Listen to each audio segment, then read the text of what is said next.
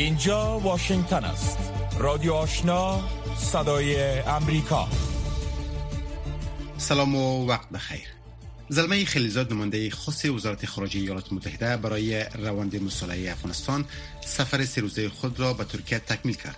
سفارت ایالات متحده مستقر در ترکیه با نشر اعلامیه گفته است که آقای خلیزاد در جریان این سفر با مقام های ترکیه و افغانستان در مورد روند صلح آن کشور ملاقات کرده است. در این اعلامیه آمده است که مقام های امریکایی و ترکی در مورد زمان، نحوه، اهداف و آجانده کنفرانس صلح افغانستان که قرار است در ترکیه برگزار شود گفتگو کردند تا اطمینان حاصل شود که همه جناها برای اشتراک در این کنفرانس آمادهاند. اما این اعلامیه از زمان برگزاری این کنفرانس را مشخص نکرده است. مقام های امنیتی ولایت خوست امروز چهارشنبه گفتند که گروه طالبان یک پایگاه مشترک نیروهای خارجی و افغانستان را در آن ولایت آماج حملات راکتی قرار دادند محمد داوود امین قماندان امنی آن ولایت به صدای آمریکا گفت که این حملات وقت سهشنبه شب انجام شد و تلفاتی در پی نداشت. گروه طالبان ضمن تایید حمله بر این مرکز نظامی گفته است که در این حملات راکتی به نیروهای ضربتی افغانستان تلفات وارد شده است. در این حال نیروهای ویژه تحت نام قطعه محافظتی خوست که در این پایگاه مستقرن با نشر خبرنامه گفتند که این حملات راکتی تلفات به آنان وارد نکرده و تمامی راکت ها در قسمت بیرونی این مرکز اصابت کرده است. ماموریت حمایت قاطع در افغانستان تا حال در مورد این حملات راکتی بر پایگاه مشترک نیروهای خارجی و قوای افغانستان تبصره نکرده است. قرار خبر دیگر. ریاست عمومی امنیت ملی افغانستان امروز چهارشنبه گفت که در نتیجه عملیات های هدفمند قطعات ویژه این ریاست در بخش های ولایت خوست 17 عضو کلیدی شبکه یقانی کشته شده است. این ریاست با نشر خبرنامه گفته است که این عملیات ها پس از تقاضاهای مکرر باشندگان ولسوالی های صبری جاجی میدان و باک ولایت خوست انجام شده و در میان کشته شدگان سبیل همدی یکی از سرکرده های شبکه یقانی شامل است. مقام های امنیتی ولایت تخار امروز چهارشنبه گفتند که در نتیجه انفجار ماین مقناطیسی رئیس شورای علمای آن ولایت کشته و سه تن دیگر زخمی شده است. خلیل اسیر سخنگوی پلیس این ولایت به صدای آمریکا گفت که این انفجار پس از چاشت امروز چهارشنبه به وقت محل در شهر طالقان مرکز آن ولایت رخ داد و هدف آن عبدالصمد محمدی رئیس شورای علمای تخار بوده است. عادل شاه عادل سخنگوی پلیس بلخ به صدای آمریکا گفت که در این انفجار دو تن به شمول یک کودک جان باخته و 16 نفر دیگر زخمی شدند. آقای عادل افزود که مواد انفجاری در یک کراچی جابجا شده بود. مسئولیت این انفجارها را تا حال فرد گروهی بر عهده نگرفته است. ادامه خبرهای منطقه و جهان را از رادیو آشنا صدای امریکا میشنوید. یک شرکت شرابسازی معروف چینی روند تولید مشروبات الکلی را در ایالات بلوچستان آن کشور آغاز کرده است. بر اساس گزارش رسانه های پاکستانی این شرکت چینی در سال 2018 میلادی جواز تولید بیر را در پاکستان دریافت کرد. این شرکت چینی پس از تکمیل فابریکه تولید شراب به تاریخ 30 اپریل سال گذشته رسما در پاکستان ثبت و راجستر شد. مقام های پاکستانی گفتند که مشروبات تولید شده این شرکت به شهروندان چینی که در آن کشور مصروف کارند عرضه خواهد شد. وزارت خارجه ایالات متحده دستور داده است تا همه کارمندان غیر ضروری و اعضای خانوادههایشان میانمار را ترک کنند. این دستور در حال صادر شده است که نظامیان میانماری به خشونت و سرکوب مرگبار معترضان ضد کودتای نظامی در آن کشور ادامه می‌دهند. وزارت خارجه امریکا با نشر اعلامیه گفته است که نظامیان برمایی مقامهای انتخاباتی حکومت آن کشور را از وظایفشان برکنار و آنان را توقیف کردند. در این اعلامیه همچنین آمده است. انتظار می رود که مظاهرات ضد حاکمیت نظامی در آن کشور ادامه یابد. وزارت خارجه چین امروز چهارشنبه گفت که قرار است وزیر خارجه کره جنوبی در هفته جاری به آن کشور سفر کند تا با مقام های ارشد آن کشور در مورد بهبود روابط دو جانبه ملاقات کند. در سه سال گذشته این نخستین بار است که چون او یونگ وزیر خارجه کره جنوبی در حال به چین سفر خواهد کرد که روابط واشنگتن با بیجینگ رو به وخامت گراییده است. وزیر خارجه کره جنوبی در جریان سفرش به چین در پهلوی ملاقات با مقامهای ارشد چینی با وانگی ارشدترین دیپلمات چین نیز ملاقات خواهد کرد.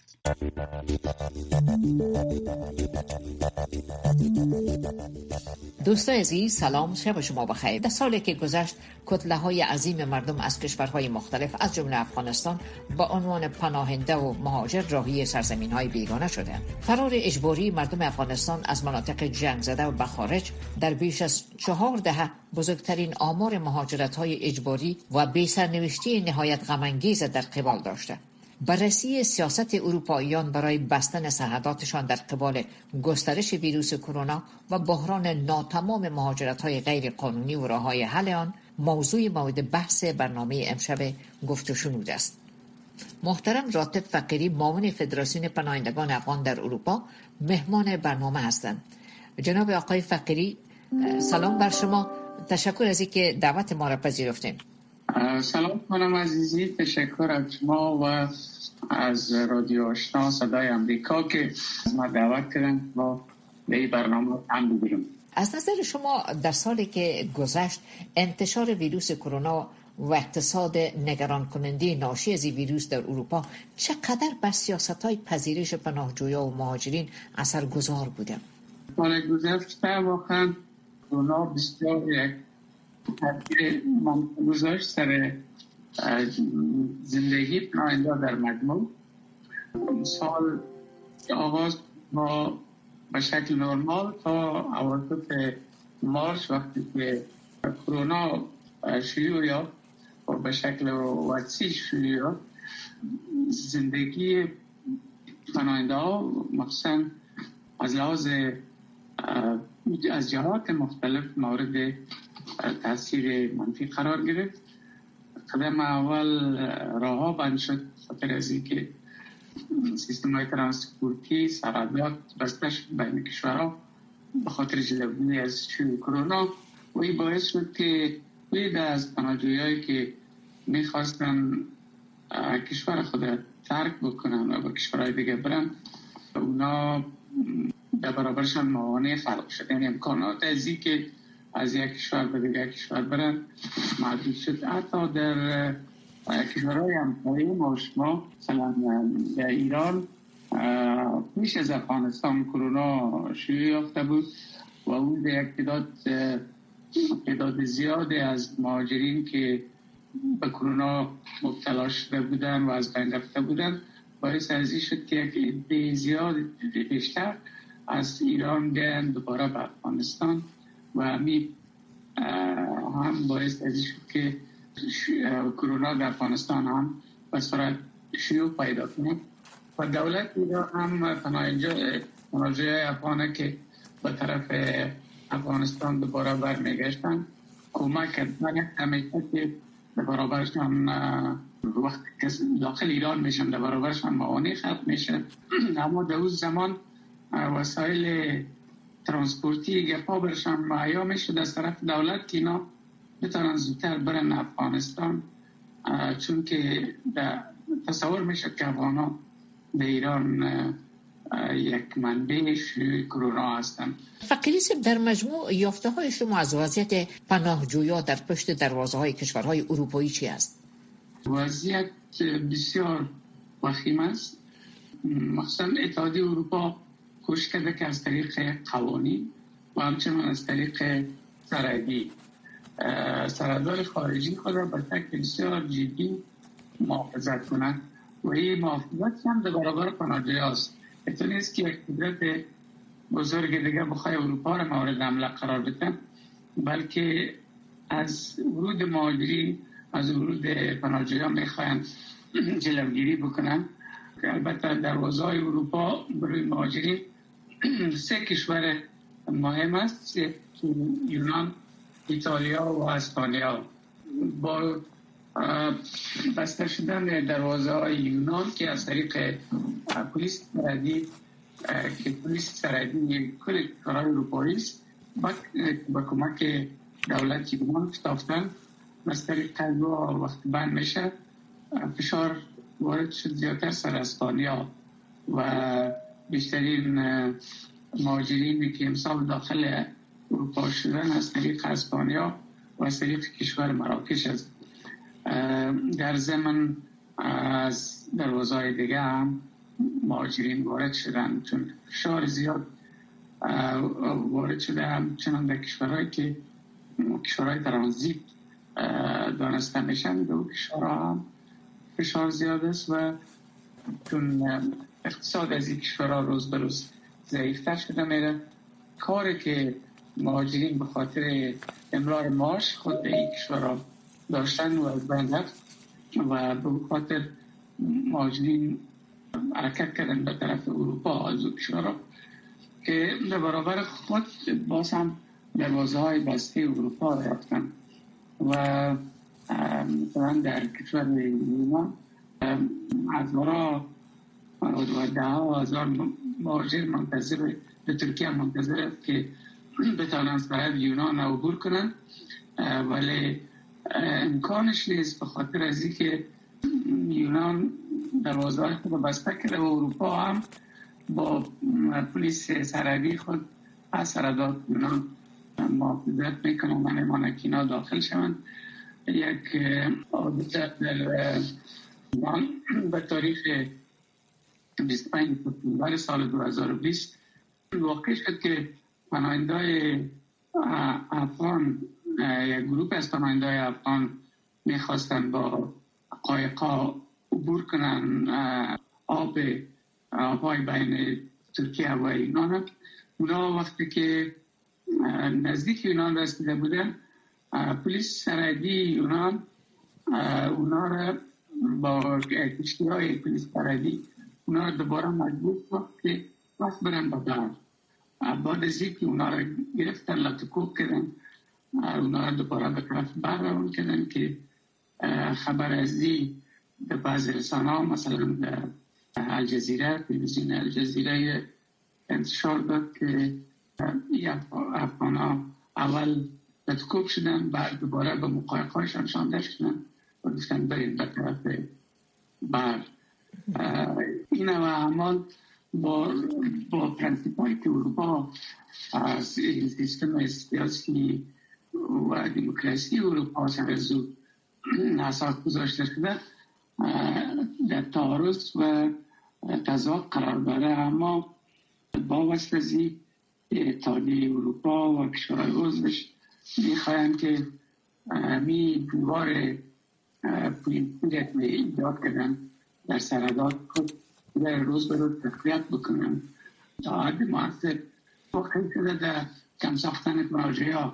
مثلا در سال 2015 و 2016 در هر یک از دو سال یک اشاره دو میلیون پناهجوی پناهجو در مجموع وارد شده بود در, در اروپا در اتحادیه اروپا. یعنی تغییرات باعث شد و قراردادی که بین یونان و و اتحادیه اروپا امضا شد. باعث ازی شد که تعداد پناهجوی ها بلیم کاهش بیافته یعنی بعد از دو سال اتحادیه اروپا منتظر نیم میلیون پناهنده بود که یک کاهش بسیار بزرگ نشان میده. آقای فقیری تابال جامعه جهانی و حکومت افغانستان به خاطر جلوگیری از فرار مردم چه اقداماتی را روی دست گرفتن؟ سال که با امضا قرارداد سال بین امریکا و طالبا امضا شد در کشورهای اروپایی امیدواری را به وجود آورده بود که شاید به زودی بین طالبا و حکومت افغانستان آتشبس برقرار شد و بتانه که رجوم پناهنده های افغان که در همه حال ادامه پیدا می‌کنه. این تا وجود مانع یا علت پناهندگی پناهنده شدن و برآمدن از افغان ها از کشور خودشان از بین ببره. ولی متاسفانه این کار عملی نشد و تمام کوشش که مثلا حالا از طرف, از طرف اتحادی اروپا صورت می‌گیره بر از اینکه باید آتش بس به افغانستان برقرار شود کلش کوشش دیپلماتیک است و از طریق اعلامیه و ایناست. اینا تا بال کدام اقدام عملی بتونن مثلا پاکستان تحت قرار بدن تا او کشور طالبا را تحت فشار قرار بده و حاضر شوند برای آتش بس. اونا یک اقدام تا صورت نگرفته طرف جامعه جهانی فقط به سطح شعارها و اعلامیه ها برای رایت آتش بس توسط هر دو طرف ادامه پیدا کردن به طور عموم آقای فقیری چه کسایی از کشورهای اروپایی به معتن اصلیشان برگردانده میشن؟ کسایی که اینجا درخواست پناهندگی می‌کنن و درخواست پناهندگیشان رد میشه. البته یک مرحله چی دارن؟ مرحله که دوامش باز که درخواستشان درخواستشان رد میشه اونا شانس دارن که به محکمه شکایت کنن. اما وقتی که محکمه هم درخواست تجدید نظر از اینا را رد می‌کنه به اون صورت دوسیشان بسته میشه. البته یک تعداد گوش می‌کنن. درخواست دوم درخواست دوم بتن ولی در مجموع از این ملحظه که حکم محکمه صادر میشه فردی که درخواست کنندگی شد شده او قابل اخراج است برای دولت ها چون افغانستان با اتحادیه اروپا با کشورهای عضو اتحادیه اروپا قراردادهایی داره که پناهنده های رد شده از کشورها را بپذیره این سهولت هم برای کشورهای اروپایی وجود داره که پناهنده های رد شده را دوباره بفرستن که از آلمان چل نفر دمی ماه دسامبر تاریخ 18 دسامبر افراد شدن و به افغانستان دوباره فرستاده شدن. این سلسله بود که یک مدت به خاطر شوی کرونا به خاطر که وسایل ترانسپورتی و سرحدات بند بود.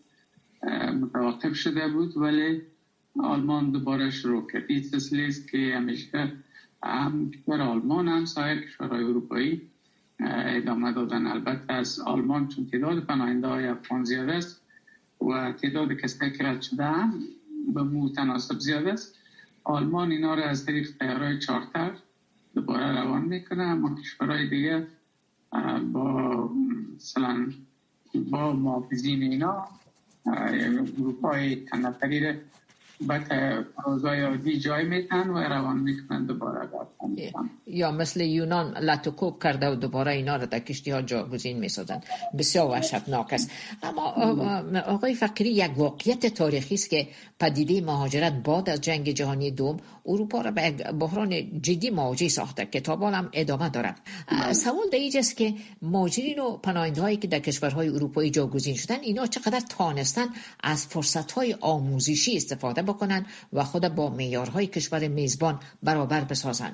در این قسمت می‌تونیم که پناهنده افغان به دو گروه تقسیم کنیم. یکی گروه نسل اول هستن کسایی که در سن نسبتا بالاتر میاین به یک کشورها اونا متاسفانه کوشش نمی‌کنن که زندگی زودتر به پای خود استاد شوند در کشورها این دو علت داره. یکی که بعض مو در خود افغانستان از از قاچاقبرا برای انسان ایناش میدن که وقتی پاید به اروپا برسته و قبول شوی دیگه مثل جنت وارد اروپا بر خانه مفت بیمه مفت ماش مانه مفت همه چیز داده میشه و تو مجبور نیستی که کار کنی. یک علت چی که با می زینیت میاد و همو زینیت هم متاسفانه حفظ می‌کنن. علت دیگهش هم در اروپا واقعا همین سیستم تامینات اجتماعی بر اتباع خودشان وجود دارن که مطابق قوانین اساسی خود نمی‌تونن که پناهنده را از او مستثنا بسازن چون پناهنده هم وقتی که قبول میشن اینجا جز از امی کشور میشن و از تمام حقوقی که برای سایر باز می‌تونن استفاده کنن. این حال وقت زندگی یک نفر تامین می‌باشه و اینا و اون نفر هم اراده استاد شدن با پای خود نمی داشته باشه. در اون صورت وابسته به دولت میمانه متاسفانه از این نسل اول کسایی هستند که سال پیش هنوز هم هنوز هم وابسته به دولت هستند و از امون پول که به نام سوسیال یاد می‌کنن یا کمک های اجتماعی از نمو استفاده می‌کنن نسل دوم پناهنده ها اونا چی اشخاصی هستن؟ نسل دوم کسایی است که یا در اینجا تولد شدن یا با والدین خود آمدن در اینجا کلام شدن. وضع از اینا بهتر است. مثلا افغان ها مثلا در سال 2005 در کشور هالند. وزارت داخلی از کشور یک تحقیقات کرد در مورد پروفایل پناهنده از کشورهای مختلف که البته چند کشور انتخاب کرده بودن ایران، افغانستان، سومالیا. نتیجه از این تحقیقی بود که در قدم اول ایرانیا خوب اینجا کوشش کردن که دوباره با خود شوند البته نتیجه دومشان و در قسمت افغان هم بسیار مثبت بود نتیجه. یکی اینا تانستن که مثلا تحصیل کنن یا مصروف درس هستن یا مصروف کار هستن. این همین سلسله هنوز هم ادامه داره. رفتانه منطقه یک مشکلی که جوانای ما اینجا داره نیست که اینا درس خود می‌خوانن اما وقتی که از درس خلاص میشن باز دیگه زمینه کار بشن کمتر مستعد است یک اندازه ذهنیت تعصب در برابر خارجی ها وجود داره. یعنی کم کارفرما کمتر اعتماد می‌کنن سر یک نفر که نامش خارجی. یا خارجی. هم خارجی داره تا این جوان که سالندی ولد هستن یا اروپایی ولد هستن. این مشکل مخصوصا نیست. در کشورهای دیگه مثلا به فرانسه شدت بیشتر داره و در آلمان کمتر است. اونجا کوشش میشه که به شکل پر از ما کار پیدا کنیم. تا چی اندازه افرادی که خود از کمک های حکومتی بیرون کردن و به اصطلاح به یک الگو مبدل شدن و خود ثابت ساختن اینا می‌تونن که ذهنیت اروپایی را برای پذیرفتن مهاجرین و پناهجویان تغییر بدن؟ البته تاثیر نیست. البته این تست بباشین تاثیر در مقایسه با تبلیغاتی که میشه توسط نیروهای دستراستی اروپایی بر علیه وجود پناهنده ها باعث کسایی که اگر به مصطلح وطنی خود بگویم کسایی که مفتخور هستن فقط از امکانات سو استفاده می‌کنن. این نوع تبلیغات تاثیر منفی خود بسیار زیاد گذاشته ولی شما کسایی که باعث پناهنده موفق شامل کار میشن می‌تونن یک سهم فعال در زندگی اجتماعی در اینجا بگیرن.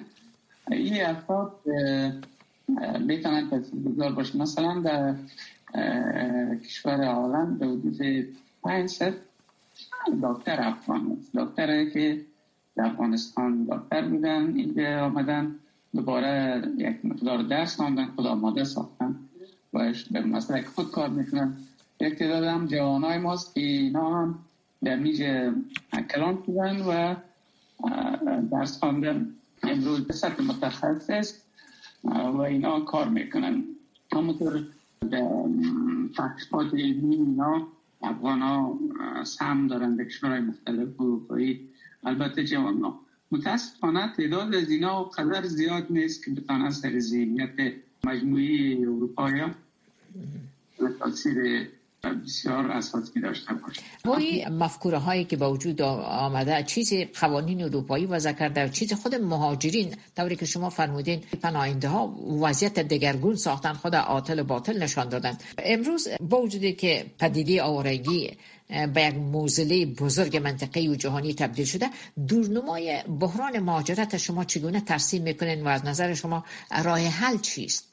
دورنما متاسفانه روشن به نظر نمی‌رسه. اگر تا ما وقت می‌تونه روشن باشه روشن شود که همه های تشنج در کشورهای مختلف جهان اینا از بین برده شد. یعنی تشنج از بین برده شد و این های تشنج به های صلح مبادل شد چون که اکثرا کشور خود ترک میتن یا به اساس آفات طبیعی یا به اساس همی تشنجای و جنگ در کشوراست که یک اندازه یک تغییر در سالهای آخر آمده. مثلا سوریه میره به طرف حالت ثبات هنوز کاملا ثبات حاکم نشده ولی به مطرف روان است. افغانستان اگر طالبا حاضر شوند که واقعیت های افغانستان رو بپذیرن و داخل پروسه حکومت داری در توقعات علمی جمهوریت که وجود دارن و ولو با مناقص داخل شوند. شاید که تعداد ماجرین افغانستان هم به شرای همسایه کم شد و هم به طرف اروپا به یک کمتر بیایند که اروپا هم مشکلات خود داره. اروپا دیگه اروپای بسیار مرفع نیست. اروپا مثلا مخصوصا کرونا اقتصاد از اینا رو کاملا ورشکسته ساخته. و که اقتصاد خراب میشه به مو اندازه فشار سر طبقات پایین اجتماع هم زیاد میشه و, و تبلیغات نیروهای راستی بازی است که عامل مشکلات اینمی خارجی هستند که نه اینمی پناهنده هستند که نه. به او خاطر احتمال از این ذهنیت به زودی مطلق شود موجود نیست. ولی یگانه رای که به نظر من می‌رسه که جهان به مجموع ملل متحد اتحادیه اروپا دولت امریکا کانادا اینا کشورهایی که بسیار تاثیر هستند همچنان در طرف مقابل روسیه و چین کوشش کنند که های تشنج به های سلام بدل بسازن و در صورت مشکل پناهندگی کاملا از نمیره. هیچ وقت هم جهان بدون مهاجر بدون پناهنده نبوده. ولی حداقل از حالت بورانی فیلی خود می‌تونه برای و یک حالت نرمال بگیره. و محل دیگه هم است که مهاجرت ها قانونی ساخته شود مثلا مشکلاتی که برابر ویزه وجود داره این تاثیرات وجود ده و در زمین زمینه بر کسایی که می‌خوان به خاطر بیبود زندگی از کشور خود براین و تخصص دارن اعتقار دارن. این دولت های اروپایی امریکا کانادا اینا تسهیلات که وجود دارن که اینا از طریق قانونی بتانن براین و مجبور نشن که از طریق قاچاق به کشور سفر کنن در آخرین تحلیل زمزمای بسته شدن دروازه های کشورهای اروپایی برای مهاجرین آیا امی یک واقعیت است؟ یک واقعیت البته کاملا بسته شدنش امکان نداره ولی می قوانین تازه که پیشنهاد شده توسط کمیسیون امور داخلی اتحادیه اروپا در ارتباط مهاجرت کنندگی نشان میده که واقعا سرداد خود می‌خوان بیشتر از این محکم بسازن. و جز امی دروازه های سیگانه که بیشتر در مورد صحبت کردیم از دیگر تایید پس داخل شدن و اگر میشه هم دوباره به می مراکز به می دروازه ها روان میشه تا خود ثبت نام کنیم. این چیز در اتحادیه اروپا در اروپا در مجموع سابقی نداشتم. و خود کنوانسیون 1951 ژنو بر پناهنده یکی از تولیدات بود که به اساس همیده ها و افکار دموکراسی و حقوق بشر در اروپا وجود آمد. حالا کشورهای اروپایی به حیث اساس گذارهای زمین افکار و ایده ها. دوباره می‌خواهند که یک یک نظر کنم. نمی‌تونم که در اصول مخالفت نشان بدن مثلا با کنوانسیون ژنو بر پناهنده بلکه در عمل کوشش می‌کنن دروازه خود بسته کنن خود حفظ کنن در حالی که امروز 80 فیصد کسایی که خود ترک می‌کنن به جاش در کشورهای جهان سوم زندگی می‌کنن. فقط 20 فیصد است که رای کشورهای مرفه جهان میشن مثل اروپا امریکا تشکر جناب آقای فقیری. دو موضوع بسیار مهم شما اشاره کردین که راه حل چی از ماجرت ها باید قانونی ساخته شود و با موضوع ویزا هم تسهیل داده شود. روی از این مسئله امکان داره که در برنامه های آینده ما شما صحبت داشته باشیم. ولی در حال حاضر چون وقت برنامه به پایان رسیده ناگزیر هستیم که صحبت خود بسنده شویم. درست تشکر از شما. تشکر از وقت شما. دوست عزیز آنچه که شنیدین نظرات مهمان برنامه بود. انعکاس دهنده آمال و مفکوره های صدا امریکا نمی باشد. سپاس از اینکه تا این لحظه ما را همراه بودین. شب شما بخیر. خداوند یار و مددگار شما.